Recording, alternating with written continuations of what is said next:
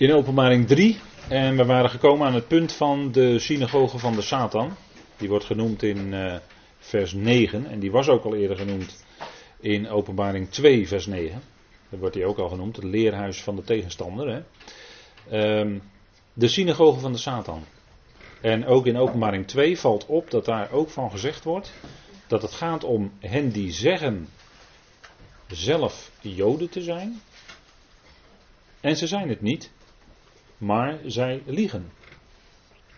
En daarna kun je ook zien dat het de synagoge van de tegenstander is, omdat daar dus, zij staan dus in de leugen. Zonder het zelf te beseffen, maar zij staan in de leugen. En nu komt een, een, misschien een punt wat wij niet zo beseffen, of wat wij niet zo daarbij bedenken. Maar kijk, openbaring is een Joods boek. Deze gemeentes, dat zijn Joodse christengemeentes. Dus dat zijn mensen die geloven in Jezus als hun Messias.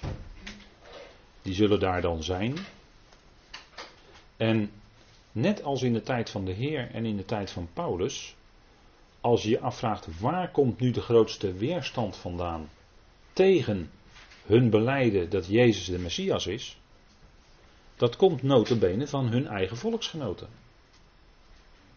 En dan zijn we eigenlijk al heel dichtbij wat hier staat. En dat is misschien wel bijna schokkend om te moeten constateren. Maar waar het dan om gaat is. Kijk, de Heer Jezus zei tegen zijn discipelen. En ik was vanavond al even in Johannes 8. De Heer Jezus zei, sorry, tegen de Joden. Jullie hebben niet Abraham, maar jullie hebben de diabolos tot vader. En dat, die uitspraak moet u heel goed in uw achterhoofd hebben. Als we over deze dingen praten. Want zij meenden de zonen van Abraham te zijn. En je zou zeggen, naar het vlees, qua afstamming, hebben ze nog een punt ook. Maar de Heer zei, en die keek geestelijk, die zei, jullie hebben de diabolos tot vader. En die staat niet in de waarheid. Staat er in vers 44 hè, van Johannes 8. Hij staat niet in de waarheid. Hij heeft er nooit in gestaan. En er staat er vandaag, vandaag de dag zeker niet in. En de Jezus zegt zelf, met een beeldspraak, dat hij de vader van de leugen is. De tegenstander, hè? dat is de vader van de leugen. Staat ook allemaal, allemaal in Johannes 8. Hè? Ik neem aan dat ik dat niet hoef te lezen met u, dat weet u. En als we dan hier hebben over de synagoge, het leerhuis van de Satan, de tegenstander. Als we kijken waar nou de grote tegenstand vandaan kwam. Bij de Heer zelf. Bij Paulus. Dan zal het in die tijd niet anders zijn. Dan dat de grootste weerstand komt vanuit de Joden zelf. En dan bedoel ik dus de orthodoxen. Dus degene die eh, wel zeggen vast te houden aan de Torah, maar in de praktijk in de praktijk zeg ik, zich veel meer naar de Talmud richten. En ik heb wel eens vaker gezegd, de Talmud, die moet u niet onderschatten hoor. Dat is wat hoor, de Talmud. Dat is wat. Dat is wat. En dat bedoel ik niet positief. Sorry. Sorry. Maar dat is een heel stuk traditie erbij. En echt, dat is ontzettend. En vandaar dat vanuit de Jodendom altijd een hele sterke weerstand is. Als je zegt dat Jezus Christus de Messias is, dat het hun Messias is, dan komt er hele sterke weerstand, vooral uit die hoek, de orthodoxe hoek. Die weerstand is zo ontzettend fel. En in die tijd van de grote verdrukking van de 70ste week van Daniel, zullen we maar zeggen, daar zullen dat Joodse mensen zijn. Die zullen dan zeggen: Wij zijn de Joden. Maar als je nou geestelijk gaat kijken, wie is nou een Jood? En dat, dat, zo moet je eigenlijk kijken natuurlijk. Dan, staan dat, dan zegt Paulus dat in Romeinen 2. Want ja, dan komen we toch weer bij Paulus terecht natuurlijk. Wie is nu een Jood? Want ik citeerde er net al even uit Romeinen 9 tot 11 toen ik zei: Niet allen die uit Israël zijn, die zijn Israël. Ja, bedenk dat goed hè. En Romeinen 2, daar staat in wie echt een Jood is. En dan heeft Paulus het, en die kon het weten, over de besnijdenis. Maar dat hebben we dan besproken in de Bijbelstudie van de Romeinenbrief. Maar voor vanavond gaat het even om vers 28 van Romeinen 2. En er staat, want niet hij is een Jood die het in het openbaar is. En niet dat is de besnijdenis die openbaar in het vlees plaatsvindt. Dus met andere woorden, Paulus zegt hier, het gaat hier niet om de letterlijke besnijdenis. Dat maakt je niet tot een Jood. Als je geestelijk gaat kijken. Maar hij zegt in vers 29, maar hij is Jood die het in het verborgen is. En dat is de besnijdenis die van het hart is. Naar de geest, niet naar de letter. Zijn lof is niet uit mensen, maar uit God. Dus als wij het antwoord willen weten op wie is nou eigenlijk naar de schrift echt een Jood, dan is dat hij die naar het hart besneden is. En iemand die de Torah heel goed kent, die kon het weten, want het stond al in Deuteronomium 10. Het stond al in de Torah. Hè? Want er staat hier ook in, in mijn Bijbel staat het hier ook als verwijzing bij. Even voor alle duidelijkheid, zullen we dat maar met elkaar lezen dan? En niet alleen in Deuteronomium 10 hoor.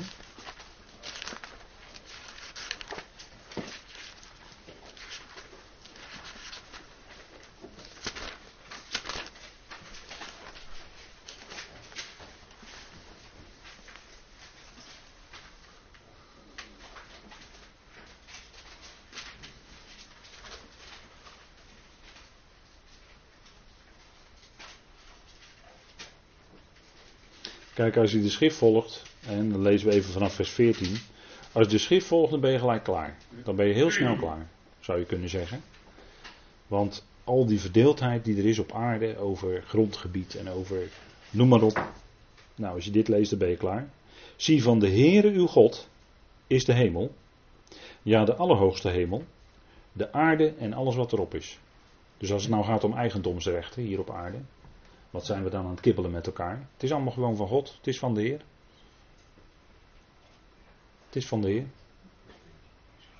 En in Nederland kunnen we natuurlijk over 10 centimeter eh, dat we onze schutting wel of niet moeten verplaatsen, kunnen we natuurlijk enorme ruzies en rechtszaken maken. Hè? Maar, kijk, die hele aarde is gewoon van de Heer. En hij deelt het toe aan wie hij wil. Daarom zeg ik, dan ben je heel snel klaar. Als je dit volgt, als je als gelover dit gewoon volgt, dan ben je klaar. En dan, zijn, dan zijn gelijk alle problemen opgelost. Maar goed, maar alleen voor uw vaderen heeft de Heer liefde opgevat om hen lief te hebben. En hij heeft hun nageslacht na hen, u uit al de volken verkozen, zoals het heden ten dagen nog is. Hij kiest, hè? Hij kiest Israël. Dat is het enige volk wat hij gekozen heeft. Dat is zijn zaak. Hij is God. En wij hebben dan geen commentaar hoor. Dan zeggen wij, nou heer, u doet het zo, dat is goed. Amen. Maar we hebben wel commentaar natuurlijk, dat zeg ik dan achter mijn hand. We hebben wel commentaar natuurlijk. Want wij willen het graag beter weten. Maar hier staat het gewoon, hè. En dan zeggen we gewoon, nou heer, oké, dat geloof ik. U heeft uw volk Israël uitverkoren, uit alle volkeren. Prima, klaar, amen. Zo is het. En dan staat er in vers 16: Besnijd dan de voorheid van uw hart. Ziet u het? Hier gaat het om. Dit is de Torah. Deuteronomium 10. Besnijd dan de voorheid van jullie hart. Dat is een geestelijke zaak. Toch?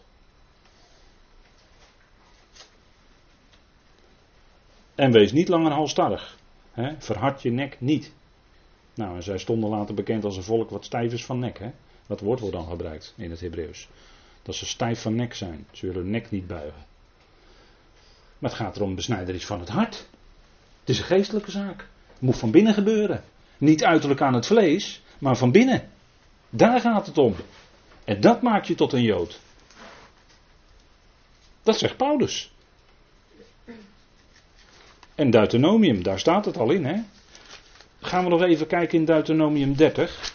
Want op twee getuigen zal een zaak vaststaan.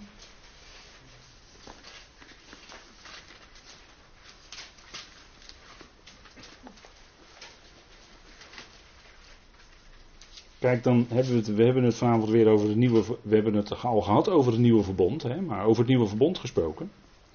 Deuteronomium 30 staat de belofte: De Heere uw God, hè, Yahweh uw Elohim, zal uw hart en het hart van uw nageslacht besnijden, om de Heer uw God lief te hebben met heel uw hart en met heel uw ziel, zodat u leven zult.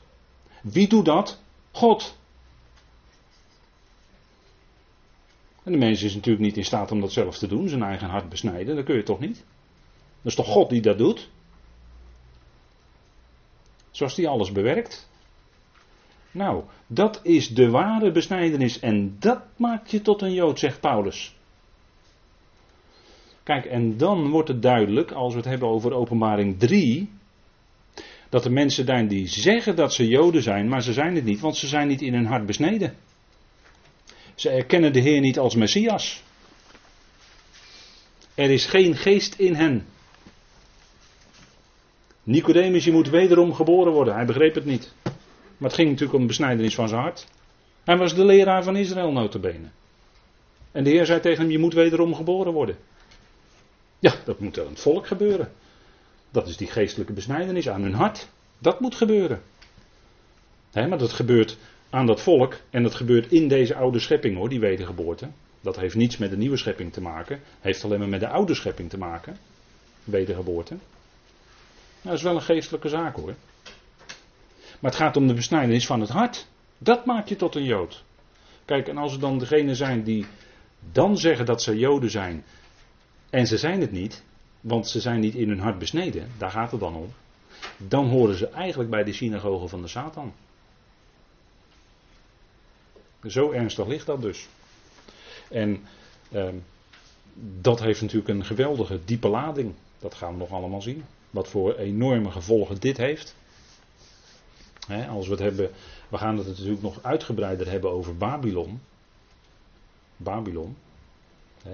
Maar eh, kijk, straks zal natuurlijk Babylon, de stad, zal het centrum zijn, hè, zal de hoofdstad zijn van het antichristelijke wereldrijk. Het antichristus wereldrijk kan ik beter zeggen. En alles wat nu bouwt aan deze wereld, begrijpt u me goed, want anders krijg ik later weer commentaar, maar begrijpt u me goed alstublieft. Alles wat nu wil bouwen aan deze wereld, als een koninkrijk hier op deze aarde nu bouwt in feite mee aan Babylon. Ik hoop dat u goed begrijpt wat ik zeg. En degenen die daar dan in de eindtijd aan de spits zullen staan, dat zijn de Joden. En in de typologie vinden we dat al terug in Jozua, hoofdstuk 7. Want toen was daar een zekere Agan. En wat had hij? Wat had hij? Wat was een van de attributen die hij had? Ja, een Babylonische mantel. Jozua 7. En u weet wat de gevolgen waren hè, voor Agan en zijn familie. Maar dat was een Babylonische mantel en Agan was uit de stam Juda. En hij had een Babylonische mantel. Dus hij bekleedde zich met Babylonische heerlijkheid. Ik hoop dat u begrijpt wat de symboliek daarvan is. Maar dat is heel ernstig. Dat is heel ernstig. Hij wilde zelf die aardse heerlijkheid omdoen. Hij wilde zelf, hè, hij, en hij had 200 sikkels zilver, hè, en 50 talenten goud, geloof ik, als ik het even uit mijn hoofd zeg. Maar dat is, zelf je, je, dat is allemaal het principe van je zelfrijkdommen hier willen verzamelen op deze aarde. En dat wil de Jood, en dat doet de Jood ook vandaan, daar is hij al heel lang mee bezig. De rijke Joden dan, heb ik het over. En die zullen zich dan hullen straks in een Babylonisch overkleed. En daar heeft Agan alles mee te maken. En dat is, heel belangrijk, dat is een heel belangrijk principe. Hè? En daarom zei de Heer Jezus ook bij gelegenheid tegen zijn volk: verzamel je geen schat op aarde. Maar verzamel je schatten in de hemelen. Geestelijke rijkdom. Daar ging het om. Maar wat ze doen is wel schat op deze aarde verzamelen. En natuurlijk, al wat tegen hen gezegd wordt, wordt ook als een voorbeeld tegen ons gezegd. En daarom zegt Paulus later in Colossense: Wees gericht op de dingen die boven zijn. Hè? Wees bedacht op dat wat boven is, waar Christus is. Niet op wat op de aarde is, zegt hij erbij. Dat is hetzelfde principe. En de rijkdommen geestelijk voor ons zijn oneindig veel rijker. Nou, oneindig niet, maar veel en veel rijker dan voor Israël. En die rijkdom van Christus, daar zouden wij op bedacht zijn. En daar zou ons leven op gericht zijn. En dan kun je al dat aardse kun je relativeren en dan ben je daar niet zo druk meer mee bezig. Om al die schatten hier op aarde maar te verzamelen en bezit te verzamelen. daarin gewoon nuchter zijn en reëel zijn. De Heer geeft wat nodig is. De Heer voorziet wel wat nodig is. Echt wel. Nou, wie is een Jood? Wie is een Jood? Hebben we gelezen met elkaar, hè? Het gaat om besnijdenis van het hart bij de Jood. Dat maakt je tot een ware Jood. En daar erken je Jezus als je Messias. En die andere kant, waar ze dan enorm veel verdrukking en weerstand van zullen ondervinden, van hun eigen volksgenoten notabene. Ja, de Heer zegt, de Heer zegt, de synagoge van de tegenstander. Dus het leerhuis van de tegenstander. Het is wat. Het zijn ernstige woorden hoor. Kijk, zij hebben een verdrukking, wat wordt in verband gebracht met die synagoge van de Satan. Ehm, namelijk dat het volk zal gaan door een grote verdrukking. En dat heeft daarmee te maken, kijk maar, in openbaring 2 wordt namelijk genoemd een verdrukking van 10 dagen. En dat is een, als u het mij vraagt, gewoon letterlijk een prelude in de eerste helft van de jaarweek op de grote verdrukking die gaat komen. Maar in openbaring, laten we het even met elkaar lezen, nog een keer. Openbaring 2. Er wordt gesproken over een verdrukking van 10 dagen. En ik ga u niet vermoeien met wat men daar allemaal van gemaakt heeft. In de uitleg. Maar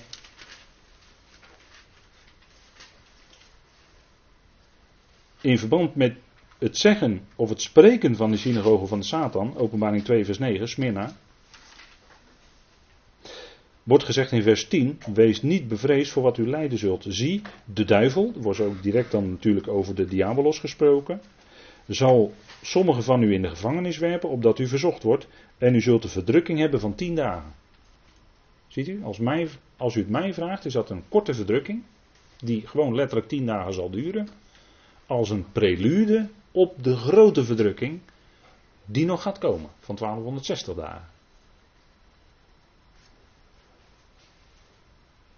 En we zien dan verder, in, we zijn nu in openbaring 3 vers 9.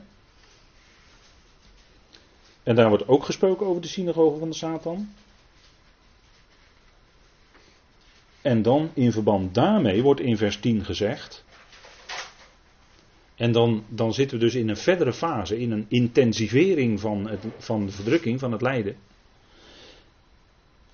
Omdat u het woord van mijn volharding hebt bewaard, zal ik ook u bewaren voor het uur van de verzoeking, die over heel de wereld komen zal, om hen die op de aarde wonen te verzoeken. En dat heeft te maken met de grote verdrukking. Dat is het uur van de verzoeking.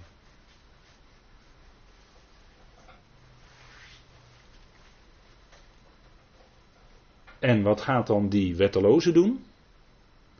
Die gaat dan, en dat is natuurlijk een vierslag die vaak door de profeet, onder andere Jeremia, wordt aangeduid. Die gaat dan komen met het zwaard, de honger, de pest en de wilde dieren. En dat vinden we vaak in profetieën terug. En dat zien we dus ook in openbaring gebeuren door toedoen van de wettelozen. En dat, dat zien wij gebeuren onder het vierde zegel in openbaring 6. Want dan komen we dus toe aan die grote verdrukking. Onder het vierde zegel. Want dan komt een grauw paard of het falen paard, hè, vers 8. Openbaring 6, vers 8 zit ik dan. Dus we springen even door naar openbaring 6. En we gaan die zegels natuurlijk ook nog bespreken. Maar nu even, vooruitlopend daarop, zien wij dus dat dat vierde paard wat dan komt. En daar is dan een naam aangegeven, de dood. En de Hades volgde hem na. En hun werd macht gegeven over het vierde deel van de aarde om te doden met het zwaard, met de honger, met de dood en door de wilde dieren van de aarde. En dat de dood, dat is dan waarschijnlijk een aanduiding voor de pest. Hè? En dan zien we dus onder het vijfde zegel, zien we dus al diegenen die gedood waren om het getuigenis wat ze hadden en om het woord van God. Openbaring 6, vers 9 en 10, dan is het, daar, daar is het vijfde zegel. En daar zien we dus de zielen onder het altaar. Dat zijn dus degenen die geslacht waren, staat er dan in vers 9. Omwille van het woord van God, omwille van het getuigenis dat ze hadden. En dat bloed van hen, want dat is eigenlijk de ziel, hè, de ziel is in het bloed. En het bloed van hen roept eigenlijk vanaf de aarde tot God om wraak, om vergelding. En dat zijn ook die vergeldingspsalmen in uh, de 90. Hè? In de negentiger psalmen heb je vergeldingspsalmen. Daar wordt geroepen om vergelding, om wraak. Moet u maar eens nalezen. Dat heeft daarmee te maken. Nou, dus onder het vijfde zegel zien we dus degenen die gedood zijn in die grote verdrukking. Dus we zien een intensivering. Hè? En dat heeft dus vanuit openbaring 2 en 3 verband, verband met die synagogen van de Satan natuurlijk. Dat kan niet anders. Dat gaat dan allemaal samenspelen. De wetteloze zal door de tegenstander op het wereldtoneel gezet worden en die zal dat uitwerken. En dat zien we dan ook gebeuren in openbaring 13. Dat is het beest uit de zee. Dan komt dat beest uit de zee. En dan zien we dus die dingen, het zwaard, de honger, de dood, hè, of die ziekte. De ziekte die de dood veroorzaakt. En de wilde dieren. Nou, als eerste zien we dan de dood. Hè? Dus degene worden gedood. Vers 15, openbaring 13, vers 15. Hem werd macht gegeven om een geest te geven aan het beeld van het beest, opdat het beeld van het beest zelfs zou spreken en zou maken dat allen die het beeld, beeld van het beest niet zouden aanbidden, gedood zouden worden. Dus dat is die dreiging met de dood door het zwaard. Hè? En dan de honger, vers 17. En het maakt dat niemand kan kopen of verkopen, behalve hij die het merkteken heeft of de naam van het beest of het getal van zijn naam. Dus dat is de honger, hè? want als je niet kunt kopen of verkopen, dan kun je ook geen voedsel kopen, dus dan is er honger. En dan de dood, en dat is dan openbaring 13, vers 13. Mogelijk heeft dat te maken met dat vuur uit de hemel, die grote tekenen. En het doet grote tekenen dat het zelfs vuur uit de hemel laat neerkomen op de aarde voor de ogen van de mensen. En men denkt dan dat het vuur mogelijk te maken kan hebben met een dodelijke ziekte die veroorzaakt wordt. Maar goed, dat is ter, tot, voor uw eigen eh, overweging.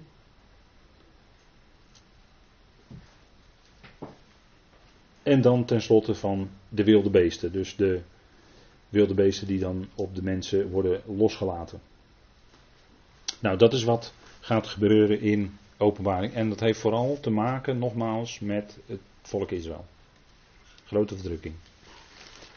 En ook zien we soms dat het nabij, verder treedt, maar vooral in eerste instantie het volk Israël. Dus dit zijn hele ernstige zaken uit Openbaring 3, wat tegen die gemeente gezegd wordt. En dan zien we hier een belofte in vers uh, eh, 9 van Openbaring 3. Zie, ik zal maken dat zij zullen komen en zij zullen aanbidden.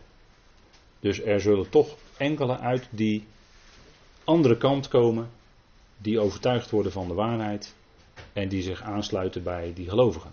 He, zij zullen komen en ze zullen aanbidden voor jouw voeten en ze zullen weten dat ik jou lief heb. Dus toch heel wonderlijk zal de Heer enkele uit hen trekken en die zullen zich bij hen aansluiten.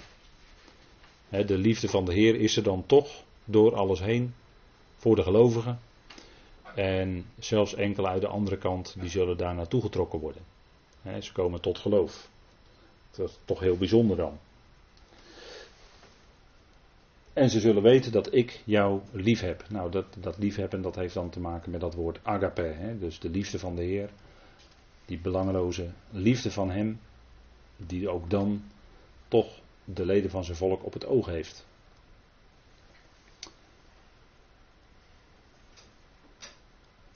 En dan zegt de Heer tegen hen in vers 10: Omdat je het woord van mijn volharding bewaart, zal ik ook jou bewaren uit het uur van de beproeving.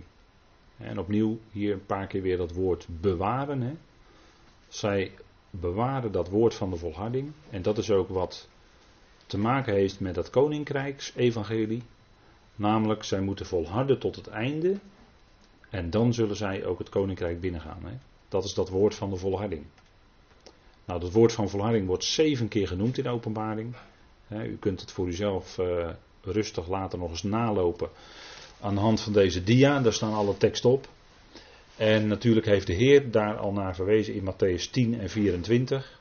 die bekende teksten van uh, indien jullie zullen volharden tot het einde, dan zullen jullie deel hebben aan dat koninkrijk. dat is echt een voorwaarde bij het evangelie van het koninkrijk voor Israël. Zij moeten volharden tot het einde en dan zullen zij ook dat koninkrijk binnengaan. Nou, daar heb ik ook drie teksten van uh, op de dia gezet, zodat u dat kunt nalopen. En dan ziet u dat het met elkaar te maken heeft. Hè? Dat woord van de volharding, zij moeten volharden tot het einde. Uh, en zou het zo zijn dat zij toch nog afvallig worden en toch hun knieën alsnog gaan buigen voor het beest en het beeld van het beest, dan hebben zij niet volhard en zullen zij ook niet het koninkrijk ingaan. Dus dat is wel de consequentie, hè? dat moet u er wel bij bedenken. Dus dit is een duidelijk verschil. Als we het hebben over het verschil met het evangelie van de genade wat vandaag geldt. En het evangelie wat dan zal gelden in die tijd. Dan hebben we hier een heel belangrijk punt.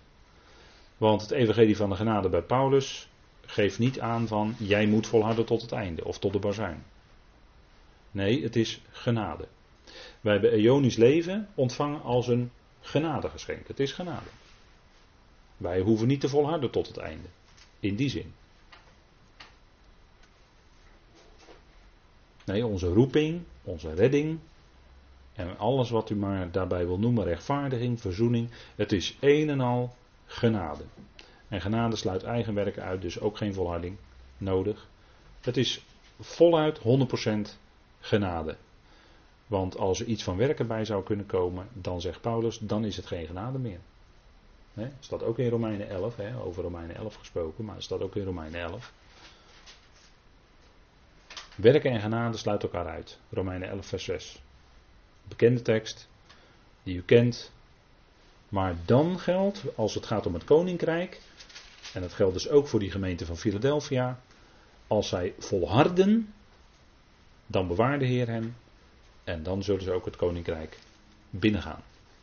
Dus een duidelijke voorwaarde.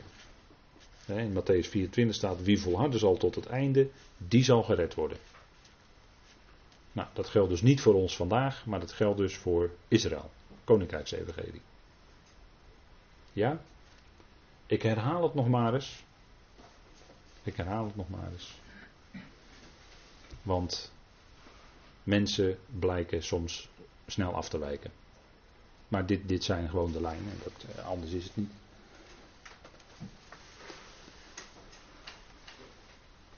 Kijk, en dan wordt er gesproken over het uur van de beproeving of het uur van de verzoeking, die op het punt staat te komen en over heel de bewoonde aarde. Kijk, in uw vertaling staat er misschien over heel de wereld, maar hier wordt een bijzonder woord gebruikt, bewoonde aarde. Dat is het woord oikumene. En dat heeft niets te maken met kerkelijke processen, maar dit is de bewoonde aarde. Dus het deel van de aarde, van de aarde waarop wij leven, wat bewoond wordt. En als je de schriften naloopt, dan kun je niet anders dan dat concluderen eigenlijk. Hè? Daar waar gewoond wordt. Daar zit, ook het woord oikos in, het woord huis. Oiku, eh, hoe hoort het ook? Oikumene. Er zit het woord oikos huis in, dus daar waar gewoond wordt. En dus overal daar waar mensen wonen, daar zal die beproeving komen. En wanneer begint die beproeving? De beproeving. Het uur van beproeving, nou het woord uur is natuurlijk beeldspraak. Voor een periode in dit geval. Dat is vanaf het midden van de 70ste jaarweek van Daniel. En dat is dat uur van beproeving, waarvan gesproken dus wordt in Openbaring 13. Dat hadden we daarnet al even open. Openbaring 13, vers 14 en 15. Daar wordt beschreven wat het inhoudt als dat uur van de beproeving daar is. Daar zal verplichte religie zijn, namelijk de religie van de aanbidding van het beeld van het beest en van het beest. En daardoor eigenlijk de draak. Zij aanbidden eigenlijk de draak. over een beest gesproken, de draak. En dat is de verplichte religie van de eindtijd. Doen ze het niet, dan word je gedood. Denk maar aan Daniel en zijn vrienden. Dat, was een, dat is typologisch, die geschiedenis natuurlijk. Bij Nebukadnezar. Daar moesten zij ook buigen voor het beeld wat Nebukadnezar had opgericht. Nou, dat is natuurlijk een type van wat in de eindtijd volle werkelijkheid zal worden. Over de aarde, over de wereld, die, hè, over al die mensen die er dan zullen zijn. Verplichte aanbidding. Net zoals bij de, Daniel en zijn vrienden kwamen in, in het vuur. Maar werden daar wonderlijk in bewaard. En dat is natuurlijk ook een type van het volk Israël, wat in, die, in dat vuur, in, in, die, in dat lijden, in die verdrukking wordt bewaard. Natuurlijk, zij zijn daar een type van.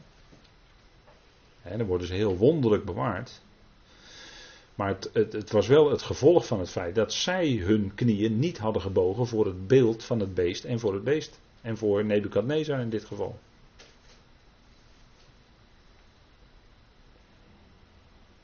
Kijk, en dan ga je ook begrijpen wat het gebed inhoudt, wat de Heer Jezus aan zijn discipelen leerde in Matthäus 6. En wat denkt u? Als iedereen een merkteken heeft en je hebt dat merkteken niet, dan kun je niet kopen of verkopen. Dan ga je bidden wat Israël gaat dan bidden wat de Heer Jezus hun heeft geleerd om te bidden, namelijk geef ons heden ons dagelijks brood. Nou, dan zullen ze daar heel letterlijk om moeten bidden hoor. En wat denkt u van en bewaar ons voor de boze? Wat denkt u in die tijd? Ze zullen snakken naar het koninkrijk. Vandaar dat ze dan zullen bidden: Uw koninkrijk komen. Natuurlijk, ze zullen snakken naar het koninkrijk.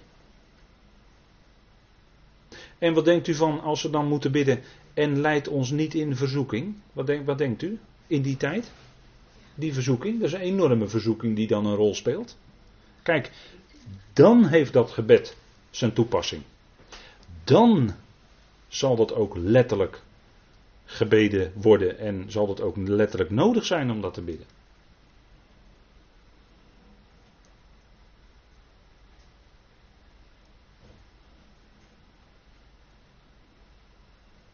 En dan zal het ook zo zijn van vergeef ons onze schulden, gelijk ook wij vergeven onze schuldenaren. Dan zal, dan zal dat dus het voorwaarde zijn. Zij moeten anderen vergeven en dan zullen zij vergeving van de Heer ontvangen. En dan praten we alleen nog maar over vergeving. En dan ziet u dat zo'n gebed, hoe, hoe bijzonder en hoe fijn zo'n gebed ook is, daar, daar wil ik af zijn. Daar wil ik afblijven. Hè? Maar dat het eigenlijk voor vandaag niet zo zijn toepassing heeft. Wij hebben andere gebeden in de schrift die wij kunnen bidden.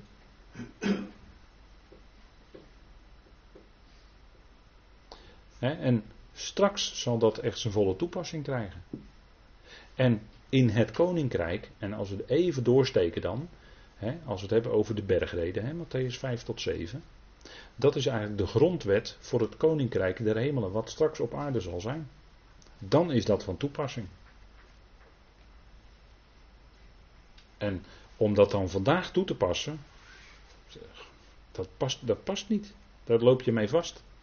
Dat kun je vandaag niet toepassen. En natuurlijk, alles is ons tot voorbeeld en tot lering geschreven. Zeker, ook de bergreden, zeker. Maar als het gaat om de echte geestelijke principes die echt op ons van toepassing zijn, dan kom ik toch weer terug bij de brieven van Paulus. Die zijn voor ons vandaag van toepassing. En dat is de hoogste waarheid. Want daar zijn wel degelijk in de schrift gradaties in. De hoogste waarheden vinden wij bij de apostel Paulus. Niet omdat wij een mens als Paulus willen verheerlijken, maar omdat de verheerlijkte Heer het via Paulus gegeven heeft.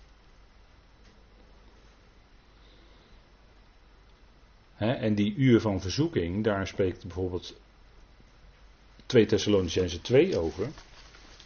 Laten we dat even met elkaar opzoeken. Kijk, want Paulus had over de profetisch woord. Had Paulus, Paulus had over het profetische woord bij de Thessalonicenzen zeer nadrukkelijk gesproken hoor. Vergist u zich niet. Ook over de profeet Daniel had hij hun voorgehouden. Dus bezig zijn met dat profetisch woord is niet iets nieuws, maar dat deed Paulus al bij de Thessalonicenzen.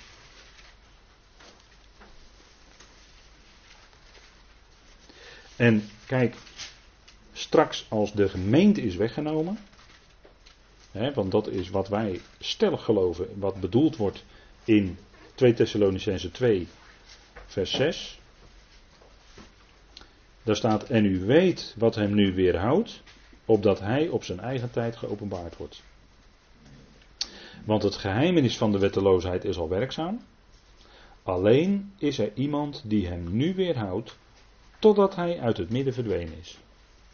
En we geloven dat dat de gemeente is. Als de gemeente is weggenomen, dat is de weerhouder.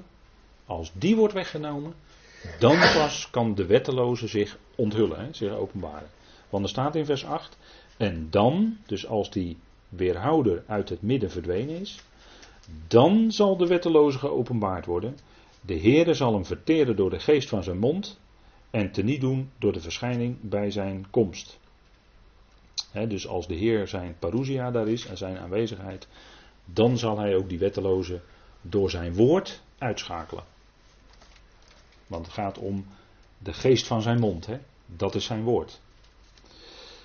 En hem wiens komst is, dus de komst van de wetteloze is overeenkomstig de werking van de Satan, met allerlei krachten, tekenen en wonderen van de leugen, en met allerlei misleiding van de ongerechtigheid in hen die verloren gaan, omdat zij de liefde van de waarheid niet aangenomen hebben om gered te worden. En daarom zal God hun een krachtige dwaling zenden, een, een werking van dwaling, daarom zal God hun een werking van dwaling zenden, zodat zij de leugen geloven. Onvoorstelbaar, hè? Er staat hier dat God dat doet. Dus God zal die dwaling sturen. En dan zullen ze allemaal niet anders kunnen dan de leugen geloven. En dat, dat moet dan zo zijn. Anders kan die wetteloze niet op het wereldtoneel de wereldheerser worden. Opdat ze allen veroordeeld worden die de waarheid niet geloofd hebben, maar een behagen hebben gehad in de ongerechtigheid. Dus dan is het straks in die eindtijd zo dat de gemeente is weggenomen. Dan kan de, door, de echte grote doorbraak van de wetteloosheid komen. En de wettelozen dus. En dan zullen ze ook allemaal de leugen gaan geloven. En dan is ook die uren van de beproeving, die uren van de verzoeking, die over heel die bewoonde aarde zal komen, dat zal dan krachtig doorbreken en ja, zijn werk moeten doen. Dat zal zo moeten zijn. Dus dat is wat Thessalonicense dan zegt. Hè. Het gaat over diezelfde dingen. En dan zegt de Heer tegen hen in Philadelphia: Ik kom snel. Dus als hij komt, zal hij er ook ineens zijn. Als hij komt, zal het ineens heel snel zijn. Dit is niet ik kom spoedig, maar als ik kom, dan is het snel. Dus dan is hij er ineens. Hè. Matthäus 24 spreekt over een bliksemflits. Nou, dat gaat ook heel snel. Licht gaat met snelheid van 300.000 km per seconde. Heb ik gisteravond nog gehoord. Dus de lichtsnelheid is heel, heel snel. Dus een bliksemflits, die zie je gelijk. En pas daarna hoor je de donder, de uitwerking. En zo zal het ook zijn. Dat beeld wordt gebruikt bij de komst van de zoon des mensen. Gebruikt de Heer Jezus ook. Hè? Als een bliksemflits. En dat zal dan zijn werking, uitwerking hebben op aarde. Hou vast wat je hebt, zegt hij, opdat niemand jouw krans zal nemen. weer zoiets, hè. Hou vast wat je hebt. Het is iets wat zij dan zullen moeten doen. Wie overwint, en wordt steeds een belofte gegeven aan de overwinnaar, hem zal ik maken tot een pilaar in de tempel van mijn God en er zal er nooit meer uitgaan. En die overwinnaars, daarvan zou het beste zo eens kunnen zijn dat die horen bij de 144.000 ook. Hè? Dat is die speciale groep. Daar komen we nog over te spreken natuurlijk. Maar het, zij zullen zijn tot een pilaar in de tempel van mijn God. En destijds had je dan die pilaren Boas en Jachin in de, in de tempel. En deze overwinnaars die zullen dan waarschijnlijk wel een bijzondere plaats krijgen. Hè, waar zij misschien gesteld worden over de schade die niemand tellen kan. Hè, die wordt in openbaring 7, vers 14 en 15 genoemd. En wie zijn dat, de schade die niemand tellen kan? Dat zijn ook mensen van Israël. Want die worden geroepen uit alle volken en talen en naties. En als je daaruit komt, ja, dan hoor je bij dat volk. Hè? Maar goed. 144.000 die zullen verzegeld zijn. Hè? Ik zal op hem de naam van mijn God schrijven. Dat heeft waarschijnlijk te maken met die verzegeling. En de naam van de stad van mijn God, het Nieuw Jeruzalem. Nou, die 144.000 die zullen dan verzegeld zijn op hun voorhoofd. En dat beschermt hen dan tegen de sprinkhanen die genoemd worden in Openbaring 9, vers 4. Maar ik ga er nu even snel aan voorbij, omdat het al laat is. En u zit al helemaal vol, denk ik. Maar ehm, daar kunt u dan zelf nog eens rustig nalezen. En daar komen natuurlijk, als de Heer het geeft, in de toekomst nog op. En u moet die dia's gewoon nalopen, want er staat veel op. Ze zijn verzegeld aan hun voorhoofd en dat zal ook tellen op de nieuwe aarde zelfs. Hè. De verzegelden die op hun voorhoofd verzegeld zijn, die zullen ook deel hebben aan de zegeningen op de nieuwe aarde.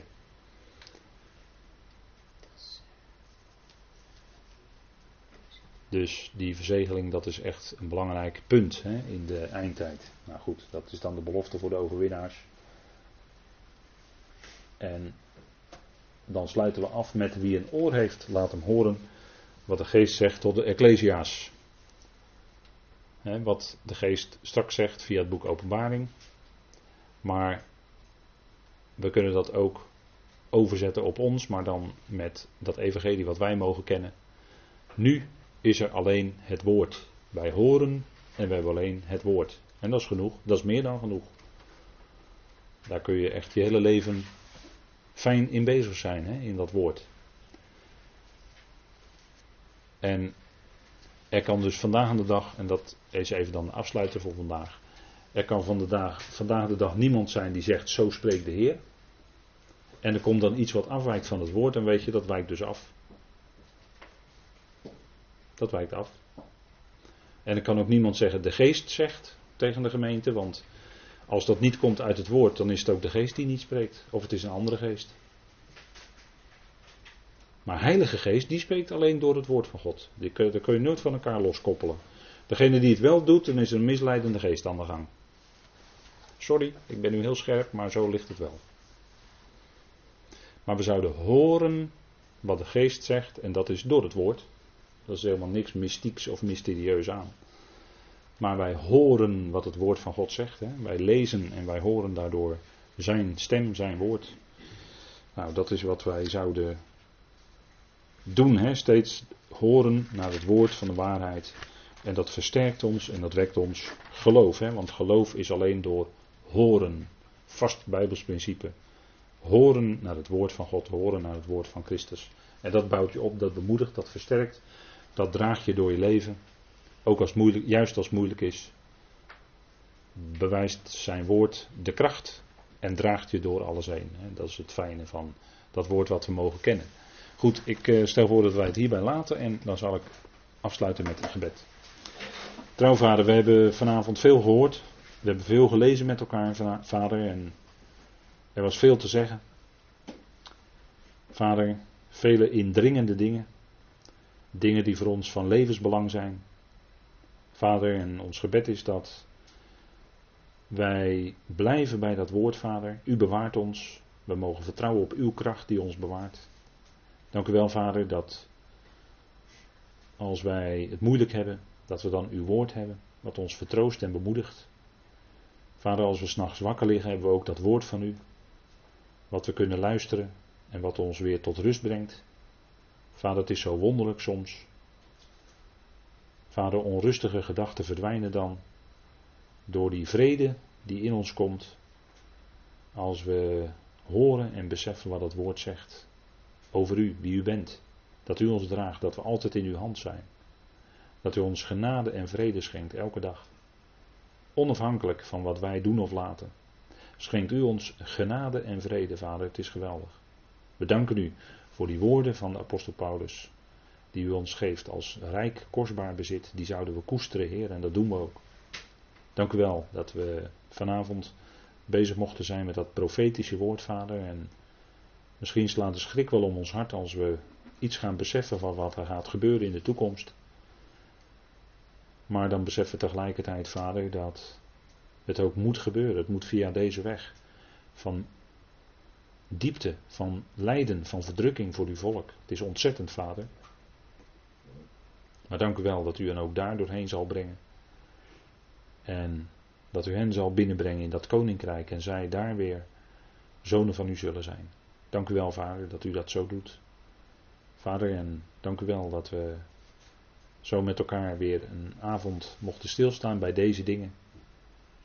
En Vader, mogen we dat zelf nazoeken en uitwerken.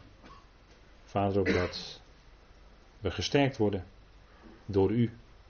U die al uw beloften waar zal maken, Vader. Dank u wel dat u precies zal vervullen wat uw woord zegt. En dat u de dingen precies op tijd doet.